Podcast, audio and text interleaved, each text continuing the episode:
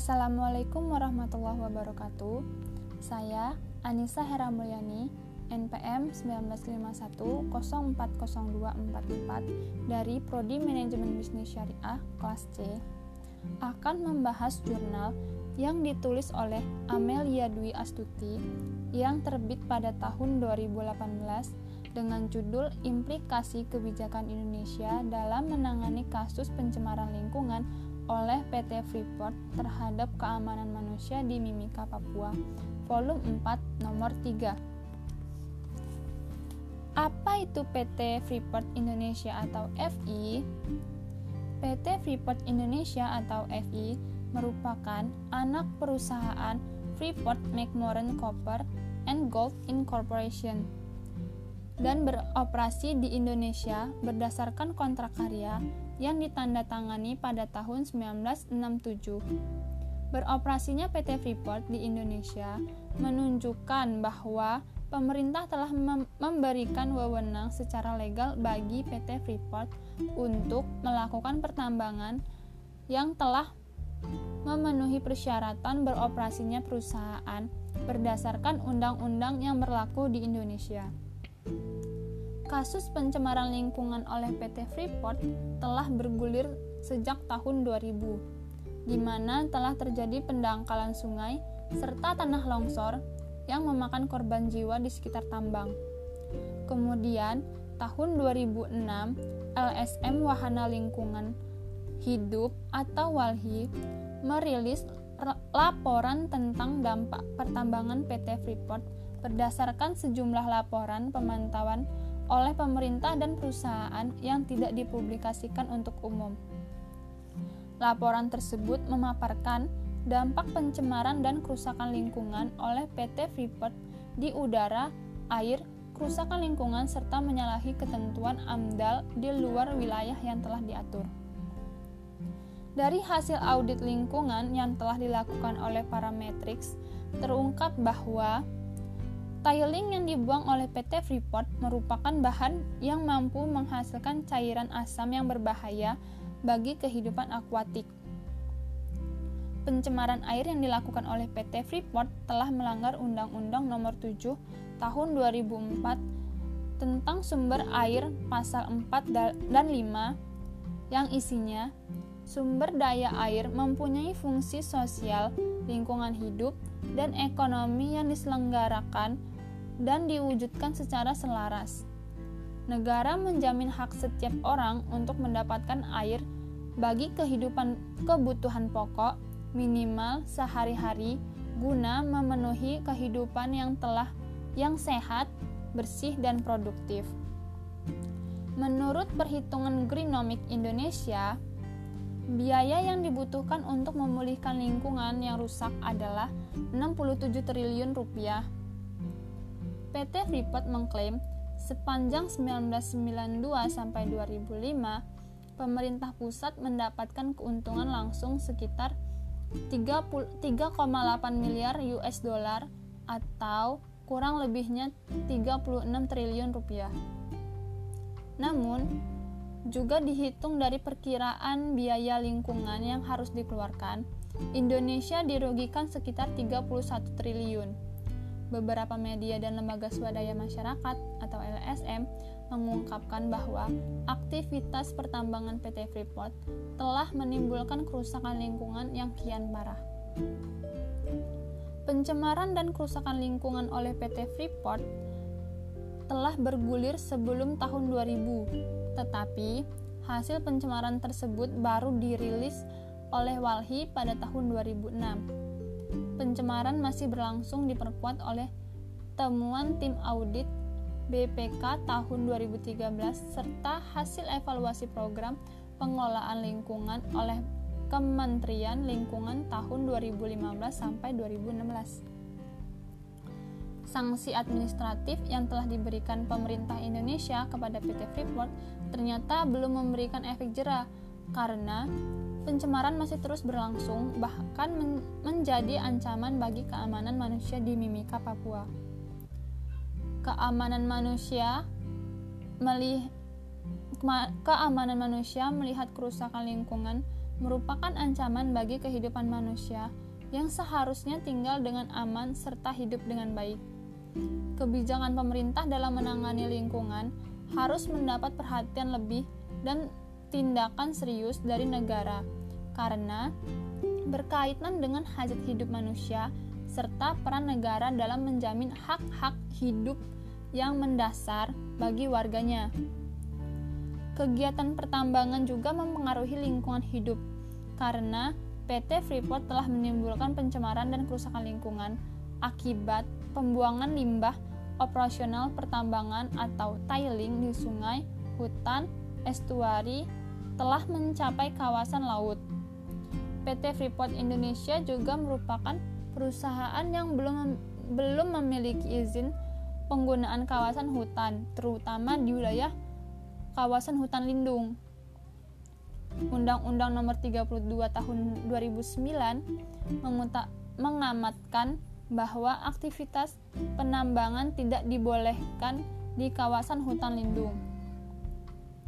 Di era Presiden Susilo Bambang Yudhoyono, pemerintah Indonesia melakukan perubahan Undang-Undang Lingkungan Hidup Nomor 32 Tahun 2009 yang jelas menyatakan akan menindak tegas setiap aktor baik individu, individu, kelompok maupun korporasi korporasi yang telah melakukan pencemaran lingkungan melebihi baku mutu yang ditentukan. Pada tahun 2012, Presiden Susilo Bambang Yudhoyono membentuk tim bertugas eh, mengevaluasi kontrak pertambangan skala besar yang tertuang dalam keputusan Presiden nomor 3 tahun 2012 tentang tim evaluasi dan penyusunan kontrak karya dan perjanjian karya perusahaan pertambangan batubara. Tetapi Hasil tim evaluasi ini tidak disampaikan kepada publik sehingga berakibat masa jabatan Presiden Susilo Bambang Yudhoyono selesai. Masa Presiden Joko Widodo, PT Freeport Indonesia akhirnya setuju untuk melepas saham dengan total sebesar 51% kepada pihak nasional. Hal ini merupakan satu dari empat poin negosiasi yang disepakati PT Freeport seiring berubah perubahan status kontrak karya menjadi izin usaha pertambangan khusus atau IUPK.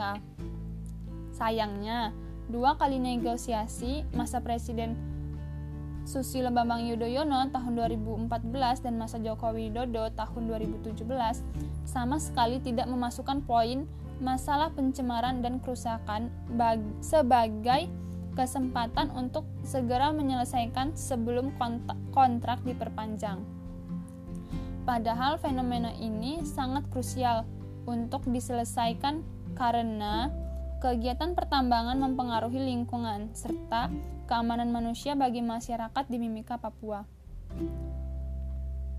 Pencemaran oleh PT Freeport menjadi krisis lingkungan hidup di Mimika, Papua merupakan konsekuensi, konsekuensi atas pembangunan dan kemajuan industri pertambangan secara besar-besaran.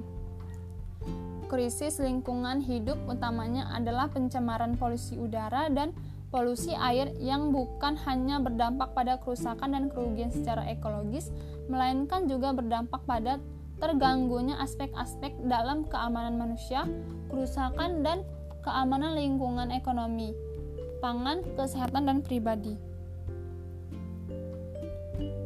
Kebijakan Indonesia dalam menangani kasus pencemaran lingkungan berimplikasi terhadap keamanan manusia karena masalah pencemaran oleh PT Freeport tahun 2004 sampai 2017 belum juga selesai Akibatnya, menurun, menurut konsep human security, pencemaran men mengancam aspek-aspek aspek-aspek kehidupan manusia di mana terjadi pencemaran terhadap keamanan lingkungan serta rusak ekosistem alami. Menurunnya mata pencarian dan pemasukan dalam mencari ikan akibat pencemaran sungai dari segi keamanan ekonomi, pemasok air dan udara bersih serta makanan yang terkontaminasi kadar logam yang mengancam ke keamanan pangan kehidupan masyarakat di sekitar pertambangan yang belum direhabilitasi dari pencemaran lingkungan dari segi keamanan, kesehatan, serta keamanan pribadi untuk mendapatkan hidup bersih dan layak serta keamanan karena adanya potensi ancaman militer di sekitar wilayah pertambangan. Menurut konsep human security, dampak kerusakan lingkungan yang terjadi dinilai oleh para ahli rentan terjadinya, konflik akibat kesenjangan serta hak-hak yang tidak diperoleh oleh masyarakat. Di negara-negara berkembang, kerusakan lingkungan akan menyebabkan efek sosial yang pada akhirnya dapat menimbulkan beberapa tipe konflik seperti persengketaan, benturan antar kelompok dan adat, pertentangan penduduk sipil, dan kerusuhan. Dalam kasus pencemaran dan kerusakan lingkungan oleh PT Freeport, kebijakan yang diambil selama ini adalah pemerintah Indonesia dan PT Freeport tanpa keterlibatan masyarakat juga telah menimbulkan masalah baru. Akibat kesenjangan kelas, kerusakan lingkungan, bantuan, bantuan militer untuk penjagaan wilayah pertambangan telah memunculkan banyak tuntutan dari komunitas dan orang-orang pribumi asli. Terjadinya berbagai konflik di Papua merupakan salah satu bentuk perlawanan, tidak hanya secara individu, individu saja, melainkan juga secara kelompok baik dari kalangan aktivis, praktisi, tokoh-tokoh masyarakat adat maupun lembaga adat. Teori elit menyatakan paradigma yang dibangun pemerintah adalah sistem pembangunan yang menekan pada sektor pertumbuhan ekonomi yang ditopang oleh investasi modal asing secara besar-besaran. Kegiatan ekonomi yang menjadi prioritas adalah kegiatan industri menengah dan besar. Industri yang dikembangkan tidak berbasis atau bertumbuh pada sektor pertambangan saja, tetapi juga sektor pembangunan ekonomi masyarakat. Namun lagi-lagi akses dan aset sumber daya alam Papua hanyalah dimiliki oleh kaum kapitalis sebagai penguasa dan pengusaha. Studi terkini dari Project on, on Environment Population and Security atau IPS menyimpulkan bahwa ke kelangkaan sumber daya lingkungan meningkatkan tuntutan masyarakat terhadap negara sementa sementara secara terus-menerus menurunkan kemampuan negara untuk memenuhi tuntutan tersebut. Kekurangan sumber daya bisa melemahkan atau menguatkan posisi atau potensi ke kekuatan negara.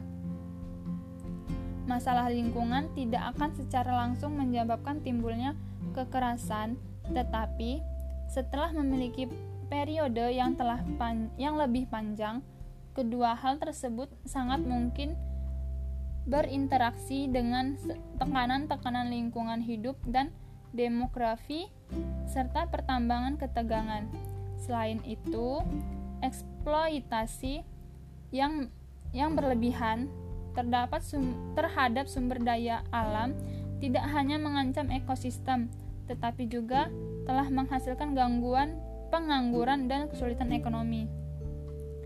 Peneliti IPS menyimpulkan bahwa kalangan sumber daya lingkungan hidup dapat berinteraksi dengan faktor-faktor seperti tadi untuk kemudian menyebabkan efek-efek sosial yang signifikan serta kelangkaan sumber daya lingkungan bis lingkungan bisa ber, berda, memperburuk perpecahan sosial, menciptakan segmentasi sosial baru, atau juga meningkatkan konflik antar kelas maupun etnik. Selain itu, implikasinya bisa berpengaruh bagi hubungan antara negara. Kelang kelangkaan sumber daya alam dapat menghasilkan perselisihan kewilayahan kepemilikan dan kontrol atas sumber daya. Kemiskinan akan menambahkan tekanan untuk bermigrasi, lalu menyebabkan tegangan etnis terutama ketika sumber daya alam telah berkurang atau langka. kebanyakan tempat di dunia berkembang, di mana masyarakat sipil memiliki demokrasi yang lemah dan rentan dengan kondisi-kondisi lingkungan hidup yang kian memburuk. Semakin lama bisa bisa menghancurkan legitimasi pemerintah dan lembaga-lembaga sosial. Jika berdasarkan kesempatan politik yang memungkinkan masyarakat untuk mengubah situasi mereka, makin sedikit maka maka kekerasan politik lebih banyak kemungkinannya. Konflik tidak harus langsung berbentuk kekerasan fisik, tetapi dapat berarti berbeda-beda sudut pandang yang masing-masing berkomitmen untuk menyelesaikan suatu perbedaan menurut caranya sendiri. Lalu muncullah konflik mendasar dalam berbagai kelompok masyarakat manusia antara masyarakat industri yang cenderung menghancurkan lingkungan atau mendukung paradigma pertumbuhan dan mereka yang menentang cara pengatur masyarakat dengan batasan pertumbuhan. Pemerintah Indonesia selaku pemegang kekuasaan tertinggi kehilangan kedaulatan di bidang lingkungan serta tidak mampu menekan PT Freeport. Bahkan, pemerintah juga telah melakukan kekerasan terhadap masyarakat Mimika Papua akibat pencemaran yang tidak ditangani oleh ditangani karena karena mereka tidak memperoleh hak hidup di lingkungan yang bersih dan sehat. Pemerintah juga tidak menyediakan informasi yang transparan bagi hasil audit lingkungan PT Freeport. Hal ini menimbulkan kecurigaan dan keracunan informasi di masyarakat. Akibatnya, ruang publik tertutup untuk membahas dan menuntut masalah pencemaran dan kerusakan lingkungan. Negara seharusnya dapat menekan PT Freeport karena negara merupakan otoritas tertinggi di dalam negara. Ditambah lagi, PT Freeport merupakan perusahaan asing yang berpotensi mengancam keamanan manusia melalui kerusakan lingkungan akibat kegiatan pertambangan ketidaktegasan pemerintah dalam menegakkan hukum lingkungan menunjukkan Indonesia sebagai negara berkembang atau negara du dunia ketiga masih berada di bawah bayang-bayang negara maju atau home country di mana PT Freeport berasal dari Amerika Serikat. Dampak-dampak pencemaran dan kerusakan lingkungan yang menyebabkan krisis lingkungan hidup meluas ke dalam beragam sektor vital bagi kebutuhan manusia seperti pangan, kesehatan, dan ekonomi. Dampak-dampak yang timbul bukan hanya terjadi dalam jangka pendek, melainkan juga melainkan juga jangka panjang, khususnya apabila pemerintah Indonesia tidak segera melakukan usaha untuk mengatasi krisis tersebut. Terlebih, dampak dari krisis lingkungan juga telah berpotensi memicu konflik. Dampak-dampak yang ditimbulkan bisa jadi akan semakin memburuk dan kemudian hari sehingga kemu sehingga pemerintah Indonesia perlu mengambil tindakan dengan cepat. Sekian dari saya. Lebih dan kurangnya saya mohon maaf. Wassalamualaikum warahmatullahi wabarakatuh.